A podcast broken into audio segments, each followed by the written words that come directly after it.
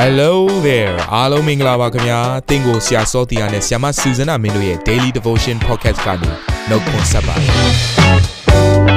ဆရာနဲ့ဆ iam မတို့ရဲ့အသက်တာမှာဘုရားရှင်ပြုတဲ့ကောင်းကြီးမင်္ဂလာများစွာရှိပါတယ်အဲ့ဒီအထက်ကပြန်လဲစီးဆင်းတဲ့နှုတ်ကပတ်တော်ကိုဒီနေ့မှနားထောင်ပြီးခွန်အားယူကြမှာဖြစ်ပါတယ်နေ့စဉ်10မိနစ်လောက်အချိန်ပေးပြီးမိမိရဲ့အသက်တာကိုကောင်းကြီးဖြစ်စေမယ်ဘုရားသခင်ရဲ့နှုတ်ကပတ်တော်နဲ့နီးလန်းတွေကိုအတူတကွခံယူကြရအောင်ခင်ဗျာ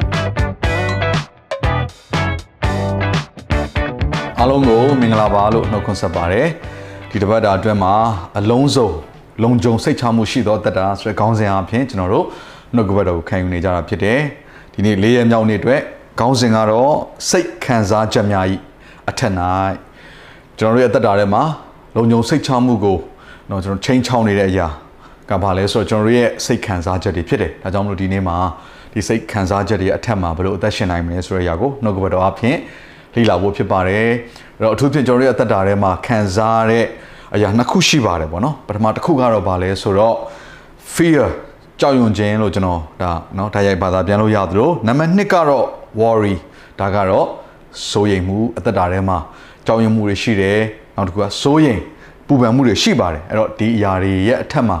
ဘယ်လိုပုံစံနဲ့အသက်ရှင်နိုင်မလဲနောက်ဒီအရာတွေကိုဖြစ်ပေါ်စေတဲ့เนาะရန်သူဆိုတာလည်းရှိပြန်တယ်ပေါ့နော်ကျွန်တော်တို့အသက်တာကို ထိုအထက်ကိုတွန်းပို့နေတဲ့အရာတွေဒါမှမဟုတ်အဲ့ဒါကနေတစ်ဆင့်ဆက်ဆက်ပြီးတော့ဖြစ်ပေါ်လာတဲ့အာရုံစိတ်ပြတ်ခြင်းတွေနော်စိတ်ခံစားမှုတွေဒါတွေကလည်း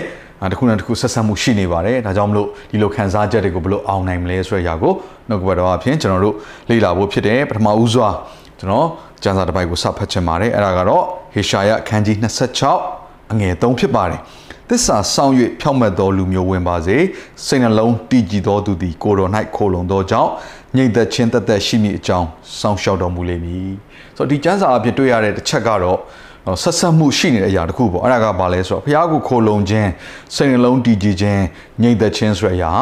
အတူတူဖြစ်နေတယ်ဆိုတော့ကျွန်တော်တွေ့ရလိမ့်မယ်အဲ့ဒီတော့ကျွန်တော်တို့ဘုရားကိုခိုလုံလိုက်လို့เนาะညိတ်သက်မှုခံစားရတယ်လို့ပြောလို့ရှိပါတယ်အဲ့တော့ဒီအရာကဘယ်ကနေရောက်လာလဲဆိုရင်စိတ်နှလုံးကတည်ကြည်မြဲမြံနေလို့တဲ့เนาะဒါကြောင့်စိတ်နှလုံးတည်ကြည်ခြင်းညိတ်သက်ခြင်းအ မြဲမြံခြင်းကိုဖြစ်ပေါ်စေတဲ့အရာကဘာလဲเนาะအဲ့တော့ဒီຢာလေးကိုကျွန်တော်တို့လက်တွေ့အချက်နှစ်ချက်အပြင်ကျွန်တော်ပြောခြင်းနဲ့အထူးသဖြင့်အာကျွန်တော်တို့ရဲ့စိတ်ပိုင်းဆိုင်ရာပေါ့နော်ဘလို့ပုံစံနဲ့စိတ်နှလုံးတည်ကြည်ခြင်းကိုသွားမလဲဆိုတဲ့အရာဒါအရင်အရေးကြီးသွားပြီစိတ်နှလုံးတည်ကြည်သောသူဟာထာဝရဘုရားခိုလုံတယ်ထာဝရဘုရားခိုလုံတဲ့အခါမှာအသက်တာတွေမှာငြိမ်သက်ခြင်းဆိုတဲ့အရာဖြစ်လာတယ်အဲ့တော့ပထမတစ်ချက်ကဘာလဲဆိုတော့ကျွန်တော်တို့ရဲ့အတွေးခေါ်တွေကိုနေရာမှန်ကိုပို့ရမယ်เนาะဒီနေ့အဖြစ်ပြောမယ်ဆို renew your mind လို့ဒါကျမ်းစကားအဖြစ်သုံးတာပေါ့ ကျွန်တော်အာလက်တွေ့ကြတဲ့အရာတစ်ခုအနေနဲ့ပြောမယ်ဆိုရင်တော့ redirect your thoughts သင်စဉ်းစားနေတဲ့တွေးခေါ်မှုတွေကိုနော်ဘယ်မှာစဉ်းစားနေသလဲအဲ့စဉ်းစားတဲ့အရာတွေကိုနေရာပြောင်းရွှေ့ပလိုက် redirect နော်ပြန်ပြီးတော့တခြားနေရာကိုလမ်းညွှန်ပလိုက်ပေါ့နော်ဒါ renew your mind ဆိုတဲ့ဒီကျမ်းစကားအဖြစ်လည်းအတူတူပါပဲနှစ်တိအခန်းကြီးတဲ့ငယ်ခုနှစ်ကိုကြည့်မယ်ဆိုရင်အကြောင်းမူကားဘုရားသခင်သည်ကြောက်တတ်သောစိတ်သဘောကိုငါတို့ဟာပေးတော်မူသည်မဟုတ်တကိုးပါသောစိတ်ချစ်တတ်သောစိတ် ရှင်းလင်းသောစိတ်သဘောကိုပေးတော်မူ၏ဒါကြောင့်မလို့ဘုရားသခင်ပေးတဲ့စိတ်သဘောကိုကကြောက်ရွံ့ခြင်းမပါဘူးဆိုတာကိုထင်ထင်ရှားရှားတွေ့ရတယ်ဘုရားသခင်ပေးတဲ့စိတ်သဘောကတကိုးပါတဲ့စိတ်ဖြစ်တယ်ချစ်တတ်သောစိတ်ဖြစ်တယ်ရှင်းလင်းသောစိတ်ဖြစ်တယ်ဒါကြောင့်ကျွန်တော်တို့ရဲ့အသက်တာမှာတကိုးကိုမဖြစ်စေနိုင်သောအရာချစ်ချင်းမြတ်တာကိုမဖြစ်စေတဲ့အရာနော်ရှင်းလင်းသောစိတ်သဘောကိုမဖြစ်စေတဲ့အတွေးခေါ်တွေနော်မြင်ကွင်းတွေစဉ်းစားနေတဲ့အရာတွေကနေပြီးကျွန်တော်တို့ပြန်ပြီးတော့ redirect ကျွန်တော်တို့ရဲ့အတွေးနေတဲ့အရာကိုလမ်းလမ်းကြောင်းပြောင်းပလိုက်ဖို့ပေါ့နော်ဒီလိုစကားလုံးနဲ့သုံးရင်ပိုကောင်းမယ်ထင်တယ်လမ်းကြောင်းပြောင်းလိုက်ပါဒါဆိုရင်သင်ရဲ့အသက်တာထဲမှာကြောက်ရွံ့ခြင်းဆိုတဲ့အရာတွေကအလိုလိုအာထွက်သွားစရာအကြောင်းရှိပါတယ်ဖိလိပ္ပိ၄အငယ်6နဲ့ခွန်မှာဘယ်လိုရေးထားလဲဆိုတော့အဘယ်မှုကိုမြစိုးရင်ခြင်းမရှိပဲအရာရာ၌ကျေးဇူးတော်ကိုချီးမွမ်းခြင်းနဲ့တကွဆုတောင်းပတနာပြုသောအဖြစ်သင်တို့တောင်းပန်လိုသောအရာများတို့ကိုဘုရားသခင်အားကြားလျှောက်ကြလော့ ထို့သောပြုလျင်အဘယ်သူမျှကြံ၍မမိနိုင်သောဘုရားသခင်ငြိမ်သက်ခြင်းသည်ယေရှုခရစ်အားဖြင့်သင်တို့၏စိတ်နှလုံးတို့ကိုစောင့်မလိမ့်မည်ဆိုတော့ဒီနေရာမှာဗာတွေ့ရလဲဆိုတော့နော်အဘယ်မှုကိုများစိုးရင်ခြင်းမရှိဘူးအရာရာ၌ကျေးဇူးတော်ကိုချီးမွမ်းခြင်းနဲ့တကွဆုတောင်းပတနာပြုသောအားဖြင့်နဲ့အဲ့တော့ကျွန်တော်တို့ကပုံမှန်အားဖြင့်ဆိုရင်စိုးရင်နဲ့စိုးရင်တဲ့ခါကျတော့အာဖျားခင်စီကိုချင်းကပ်တဲ့ခါမှာဆူတောင်းတဲ့အရာကိုလှုပ်ဆောင်ကြတယ်ဒီနေရာမှာကျတော့ဘာနဲ့တွဲထားလဲဆိုတော့အရာရာ၌ဂျေဇုတော်ချီးမွမ်းခြင်း ဆိုတော့ကြုံရတဲ့အခြေအနေကဂျေဇုတော်ချီးမွမ်းစရာအကြောင်းမဖြစ်တဲ့အတွက်ကြောင့်မလို့စိုးရိမ်တာဒါပေမဲ့ဘုရားကဘာလုပ်ခိုင်းလဲဆိုတော့အရာရာအရာရာလို့ပြောတဲ့ခါမှာဆော့ဆော့စိန်လုံးပူပန်ခြင်းတွေကိုဖြစ်စေတဲ့အခြေအနေမှာလည်းဘာပဲလုပ်ခိုင်းလဲဆိုတော့ဂျေဇုတော်ချီးမွမ်းပါပြီးတော့မှမိမိတောင်းပန်လိုတဲ့အရာတွေကိုဖះကိုကြားလျှောက်ပါတဲ့အဲ့လိုဆိုရင်တော့နော်လူတွေကြံစည်ရဲ့မမိနိုင်တဲ့ဖះခင်ပဲပေးနိုင်တဲ့ညီသက်ချင်းဟာကျွန်တော်တို့ရဲ့စိတ်နှလုံးထဲကိုတက်ရောက်လာလိမ့်မယ်ဆိုရကိုဆိုပြောထားတယ်ဆိုတော့လှုပ်ဝက်ချက်ကဘာမှရှိလဲဆိုတော့ ဆူတောင်းခြင်းမှရှိတယ်ဒါပေမဲ့ဘာအားဖြစ်လဲဆိုတော့ကျေးဇူးတော်ချီးမွမ်းခြင်းအားဖြင့်ကြောင့်ဒီနေ့ကိုယ့်ရဲ့တက်တာထဲမှာဘာတွေပူပန်စရာရှိလဲဆူတောင်းမှာဘယ်လိုပုံစံဆူတောင်းအောင်မှာလဲအဲ့ဒီဖြစ်ပေါ်တဲ့အခြေအနေထဲမှာပဲဖះကိုအရင်ဆုံးကျေးဇူးတော်ချီးမွမ်းလိုက်ပါဒါဆိုရင်တော့အဲ့ဆူတောင်းနေတဲ့အချိန်မှာပဲညီသက်ချင်းရောက်လာစရာရှိတယ်ဒါကြောင့်ကျွန်တော်တို့ဒီຢာလေးကလျှို့ဝှက်ချက်ဖြစ်ပါတယ်ကျေးဇူးတော်ချီးမွမ်းခြင်းအပြင်ဆုတောင်းမှာဆိုတဲ့ຢာကလျှို့ဝှက်ချက်တစ်ခုဖြစ်တယ်ဆိုတာကိုသိစေခြင်းတယ်ကဲနောက်ထပ်လက်တွေ့ကြတဲ့နောက်ဒုတိယတစ်ခုကတော့ဘာလဲဆိုတော့ကျွန်တော်တို့ ကောင်းသောအရာတွေပေါ်မှာပဲကျွန်တော်တို့အာယုံစူးစိုက်ထားပါဒါအရန်ရေးကြည့်ပါတယ်เนาะဆိုတော့ကျွန်တော်တို့ကြည့်လိုက်တဲ့အခါမှာလေကြောင်းရုံနဲ့စိတ်သဘောကနော်ဘုရားသခင်စီကလာတာမဟုတ်ဘူးဒါကြောင့်ကြောင်းရုံနဲ့အရာတွေကိုဖြစ်စေတဲ့အပေါ်မှာသွားပြီးကျွန်တော်တို့ကအာယုံကိုစူးစိုက်လိုက်မယ်ဆိုရင်စိုးရင်စိတ်ကအလိုလိုဝင်လာမှာပဲဒါကြောင့်မလို့ဒုတိယเนาะလက်တွေ့ကြတဲ့ຢာတစ်ခုကဘာလဲဆိုတော့ဘုရားသခင်ပြုသောเนาะဘုရားသခင်ပြုမဲ့ကောင်းသောຢာတွေပေါ်မှာကျွန်တော်အာယုံစူးစိုက်လိုက်ပါနောက်တစ်ခုကတော့ကိုယ့်ရဲ့အသက်တာထဲမှာ ယခုကြုံတွေ့နေရတဲ့အခြားတစ်ခုပေါ့နော်ယခုကြုံတွေ့နေရတာမဟုတ်ဘဲနဲ့နောက်ထပ်တစ်ခုကတော့ကျွန်တော်တို့ရဲ့အသက်တာထဲမှာယခုနော်ကြော်ဖြတ်ကြုံတွေ့နေရတဲ့ຢာတစ်ခုမဟုတ်ဘဲနဲ့ယခင်ကဘုရားခင်ပြုခဲ့သောကောင်းကြီးမင်္ဂလာယခုအချိန်မှာပင်လင်ဘုရားခင်ပြုထားသောကျေးဇူးတော်ချီးမွမ်းစရာတွေဘာတွေရှိလဲအဲ့ဒီအရာတွေပေါ်မှာကျွန်တော်အာယုံစူးစိုက်လိုက်ဖို့ဖြစ်တယ်ကျေးဇူးတော်ချီးမွမ်းရေးတွဲလိုက်ဖို့ဖြစ်တယ်အဲ့တော့ဒီဖိလိပ္ပိ၄ရှစ်မှာရေးထားတဲ့အရာလေးမှာကျွန်တော်တို့အာဒီကျမ်းစာလေးကိုနော်ဖတ်ပြီးတော့ကျွန်တော်လျှို့ဝှက်ချက်လေးတခုပြောပြခြင်းပါတယ်ကျွင်းသေးသောစကားဟူမူကညီကိုတို့တမန်တရားနှင့်ဆိုင်သောအကျင့်လျှောက်ပတ်သောအကျင့်ဖြောက်မှတ်သောအကျင့်စင်ကြယ်သောအကျင့်သူတို့ဘာနှစ်သက်ဖွယ်သောအကျင့်ချီးမွမ်းဖွယ်သောအကျင့်ရှိသမျှတို့ကို၎င်းပါရမီတစ်ပါးပါကောင်းသောသတင်းတစ်ပါးပါနဲ့ဆိုင်သောအကျင့်တို့ကို၎င်းနှလုံးသွင်းကြလော့ဒီကျမ်းစာလေးဟာတကယ်ဝိညာဉ်ရေးရာလှုပ်ဝက်ချက်ဖြစ်တယ်အခုရေးထားတဲ့ကျမ်းစာတွေမှာမကောင်းတာတစ်ခုမှမပါဘူးဆို သူကဘာကိုဆိုလိုချင်တာလဲဆိုအဲ့ကောင်းတဲ့အရာအားလုံးကိုနှလုံးသွင်းကြပါဆိုအင်္ဂလိပ်လိုဆိုရင် think about such things အဲ့လိုရေးထားတယ် think about such things အဲ့လိုကောင်းတဲ့အရာတွေကိုစဉ်းစားနေပါတဲ့နော်အဲ့တော့ကျွန်တော်တို့ရဲ့အတွေးခေါ်တွေထဲမှာစိုးရင်ခြင်းတွေပူပန်ခြင်းတွေကိုပျောက်လွင့်စေမယ့်အရာကဘာလဲကောင်းသောအရာတစ်စုံတစ်ခုကိုအမြဲစဉ်းစားနေပါဆိုတဲ့အရာကနှုတ်ကပတ်တော်ရဲ့လမ်းညွှန်ချက်ဖြစ်ပါတယ်ဒါကြောင့်မလို့ကျွန်တော်တို့ရဲ့အသက်တာထဲမှာနော်ကြောင်ရွံ့ခြင်းနဲ့ဖခင်ကိုကိုးစားခြင်း ကြားထဲမှာလွန်ဆွဲနေတဲ့အခါမှာဘုရားကိုကိုးစားခြင်းဖြစ်လာပြီဆိုရင်ကြောက်ရွံ့ခြင်းအလိုလိုထွက်ပြေးတာပဲကြောက်ရွံ့ခြင်းတွေကိုသွားပြီးဆိုရင်ဘုရားကိုကိုးစားဖို့ခက်လာတယ်ဒါကြောင့်မို့ကျွန်တော်တို့ဘုရားသခင်ပြုတော်ကောင်းသောအရာတွေကိုအစဉ်မြဲစဉ်းစားနေခြင်းအပြင်ဘုရားသခင်ပေါ်မှာမိခိုစရာအကြောင်းရှိတယ်ကျွန်တော်တို့စိုးရင်စရာအကြောင်းမရှိပါဘူးအဲ့တော့ကျွန်တော်ဒီကျမ်းစာလေးအဖြစ်ခွန်အားပေးခြင်းနဲ့စာလံ56အငယ်3နဲ့4ကျွန်ုပ်ဒီကြောက်ရွံ့သောအခါကိုတော်၌ခိုလုံပါမည်ဘုရားသခင်ကိုအမိပြု၍နှုတ်ကပတ်တော်၌ဝါကြွားပါမည် ငါသည်ဖျားခင်ကိုခိုလုံသည်ဖြစ်၍ကြောက်စရာမရှိလူသည်ငါ၌အဘယ်သို့ပြုနိုင်သနည်းဖျားခင်ကိုခိုလုံသောသူရဲ့အသက်တာထဲမှာကြောက်ရွံ့ခြင်းမရှိဘူးနော်ကြောက်ရွံ့ခြင်းဆိုတာကမာနစီကလာတာဖျားစီကလာတာမဟုတ်ဘူးကြောက်ရွံ့ခြင်းဆိုတာကအာလူအချင်းချင်းကြားတွေကလည်းလာနိုင်တယ်နော်အချင်းချင်းအကြောင်းမျိုးကြားတွေကလည်းလာနိုင်တယ်အဲ့တော့ဖျားခင်ပေးတော်ရမှာဟုတ်တဲ့အတွက်ကြောင့်ကျွန်တော်တို့ကထိုကြောက်ရွံ့ခြင်းကနေလွတ်ကင်းစေမဲ့နော်နီလန်းကတော့ဖျားခင်ပြုတော်ကောင်းတော်ရာတွေကို ရည်တွက်ပါကျေးဇူးတော်ချီးမွမ်းပါဘုရားကိုခိုးလုံးပါဒါဆိုရင်တော့ကျွန်တော်တို့ကိုเนาะရန်သူကဘယ်လိုလုပ်နောက်ဆက်နိုင်မလဲလူဟာကျွန်တော်တို့ကိုကြောက်ရွံ့စရာအကြောင်းဘယ်လိုပုံစံနဲ့အန်ဒီရပြုနိုင်မလဲဆိုတဲ့အရာကိုဒီနှုတ်ကပတ်တော်ဖြင့်တွေ့ရတယ်အဲ့တော့ကျွန်တော်ရဲ့အသက်တာထဲမှာလူအားဖြင့်เนาะအခုဆော့ဆော့ကျမ်းစာလေးပေါ့အမိပြုပြီးတော့လူအားဖြင့်တော်လည်းကောင်းအခြေအနေအားဖြင့်တော်လည်းကောင်းเนาะဖြစ်လာတဲ့ရန်သူစိတ်ခံစားချက်နှမျိုးရှိပါတယ်เนาะစိတ်ခံစားချက်မှာရန်သူနှမျိုးရှိတယ်ပထမတစ်ခုကတော့ဘာလဲဆိုအာရော့သွားတာအာရော့စိတ်ပြတ်သွားတာ ကြုံရတဲ့အခြေအနေကြောင့်ဒုတိယတစ်ခုကကြတော့ပိုဆိုးသွားတယ်နော်အဲ့ဒါကဘာလဲဆိုတော့စိတ်တက်ကြခြင်းဖြစ်သွားတာစိတ်ကြယောဂါပေါ့နော်အဲ့တော့ဘာဖြစ်လိုက်လဲဆိုတော့သူက let shop လိုက်တာနော်အဲ့ကနေတစ်ဆင့်မိမိကိုမိမိတေချောင်းကြံကြံစီခြင်းဆိုတဲ့အရာတွေလည်းကျွန်တော်ဖြစ်လာတယ်ဒါကြောင့်ပထမတစ်ချက်ရန်သူကဘာလဲဆိုတော့အာရော့သွားတာစိတ်ပြတ်သွားတာဖြစ်တယ်ဒုတိယတစ်ခုကတော့စိတ်ကြတာ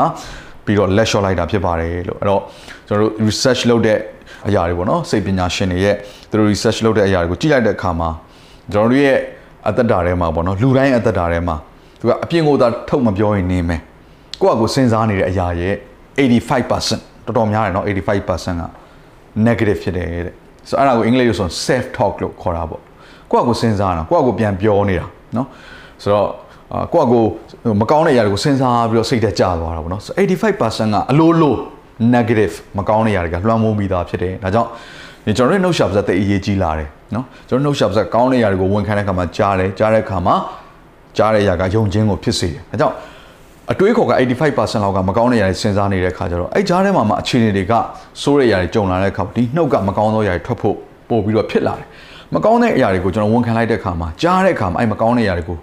နော်ယုံကြည်တဲ့အရာဖြစ်ပြီးတော့အလိုလိုစိတ်တဲ့ကြခြင်းဖြစ်လာတယ်တခါတည်းမှာစိုးသောအရာတွေဟာအဝေးကအပြင်ကမလာပါဘူးကို့အထဲက ပြန်ပြီးတော့ထွက်ပေါ်လာတတ်တယ်ဒါကြောင့်ဒီຢာကိုကျွန်တော်တို့သတိထားပြီးတော့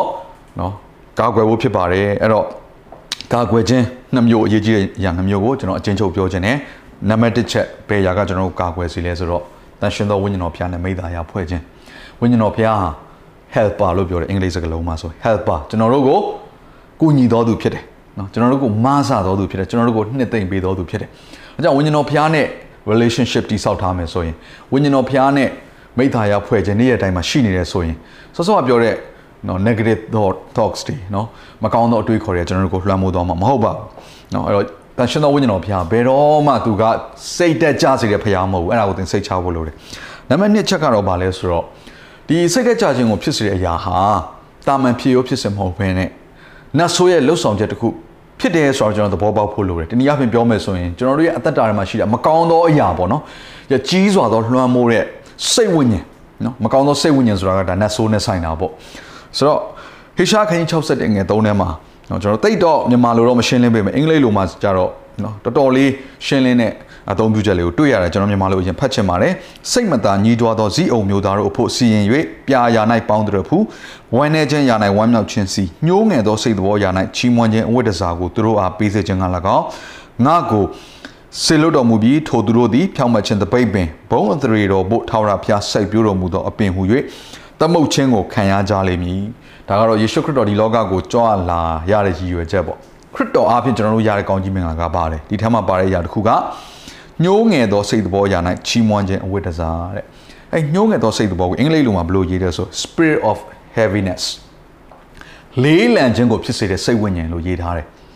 ဒီမြန်မာလိုမှာတော့ညှိုးငယ်သောစိတ်သဘောနော် ဆိုတော့ spirit of heaviness အသက်တာထဲမှာတစ်ခါတည်းမှာနေရင်ထိုင်နေတဲ့တကယ်ကိုလေးလံတဲ့ဝင်ထုတ်ကြီးကိုထမ်းထားရသလိုပဲနော်ဒါဟာတာမန်ဖြစ်ဖို့ဖြစ်စင်မဟုတ်ပါဘူး spirit of heaviness ညှိုးငယ်ခြင်းကိုဖြစ်စေတဲ့စိတ်ဝိညာဉ်လေးလံခြင်းကိုဖြစ်စေတဲ့စိတ်ဝိညာဉ်ယေရှုခရစ်တော်အားဖြင့်ဘာဖြစ်လဲဆိုတော့ချီးမွမ်းခြင်းအဝိတ္တစာနဲ့စင်စေတယ်။ဒါကြောင့်ဆောစောကကျွန်တော်တို့နော်ဒီနေ့အတွက်နှုတ်ကပတ်တော်ကိုစပြီးလေ့လာတဲ့အခါမှာဆုတောင်းရမယ်လို့ပြောတယ်နော်။ဆုတောင်းတဲ့အခါမှာဘာအဖြစ်ဆုတောင်းရမလဲဆိုတော့ ချီးမွမ်းခြင်းအပြင်ဆုတောင်းမှာလို့ကျွန်တော်ပြောခဲ့တာဖြစ်ပါတယ်။နော်ချီးမွမ်းခြင်းဟာတစ်ဖက်မှာဖြစ်စေတဲ့စိတ်သက်သာခြင်းတွေဝမ်းနည်းခြင်းတွေနော်အာရုံခြင်းတွေတခါလဲနော်လက်လျှော့လိုက်ခြင်းတွေဆိုတဲ့အရာအားလုံးကိုလုံးဝပျောက်သွားစေတဲ့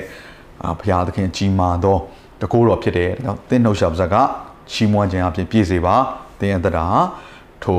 စိတ်ခံစားချက်တွေအားလုံးရဲ့အထက်မှာလွတ်မြောက်တော်တရားဖြစ်မယ်လို့ကျွန်တော်အနေနဲ့ဒီနေ့နှုတ်ကပတော်အဖြစ်ခွန်အားပေးခြင်းနဲ့ ခဏလောက်ဆုတောင်းရအောင်ဘုရားသခင်ကိုရောကိုယေရှုတင်နဲ့ကိုရောပေးသောစိတ်ဝိညာဉ်ဟာကျွန်တော်တို့အတွက်ရဲရင်ခြင်းဖြစ်ပါတယ်ချစ်တတ်သောစိတ်ဝိညာဉ်ကိုကိုတော်ပေးပါတယ်ရှင်းလင်းသောသဘောကိုကိုတော်ပေးပါတယ်ဖဖျားသခင်လွတ်မြောက်ခြင်းကိုကိုတော်ပေးတယ်ချီးမွမ်းနိုင်သောအသက်တာကိုကိုတော်ပေးတယ်ဝမ်းမြောက်ခြင်းစီအားဖြင့်ကျွန်တော်တို့ကိုပိတ်သိမ့်ပေးပါတယ်ဖဖျားသခင်ယေရှုဖျားဒါကြောင့်ကိုတော်ကိုသားတို့ချီးမြှောက်ပါတယ်ဂုဏ်ပြုပါတယ်အသက်တာထဲမှာမကောင်းသောစိတ်ခံစားချက်တွေအားလုံးကိုယေရှုခရစ်တော်၏နာမအဖြစ်ညှင်းဆန်ကြပါတယ်ဖဖျားသခင်ကျွန်တော်တို့နှုတ်မှာ ပြည့်စေသောအရာဟာကိုရောရဲ့နာမတော်ကိုချီးမွမ်းခြင်းဖြစ်တယ်ကိုရောပြုသောအမှုများကိုရေတွက်ခြင်းဖြစ်ပါတယ်ဒါကြောင့်ကိုရောကိုဘုံပေးတယ်အသက်တာများကိုအနှံ့၍ကိုရောမြတ်သောနာမကိုအမိပြုလက်ဆုတောင်းဆက်ကပ်ကြပါ၏ဖပါဘုရားသခင်အာမင်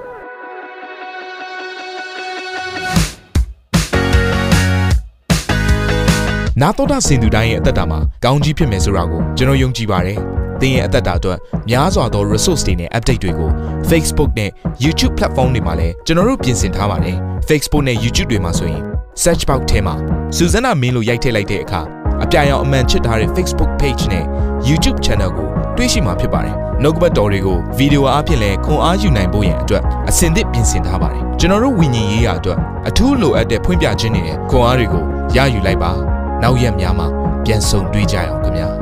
အားလုံးကို နှုတ်ဆက်ပါတယ်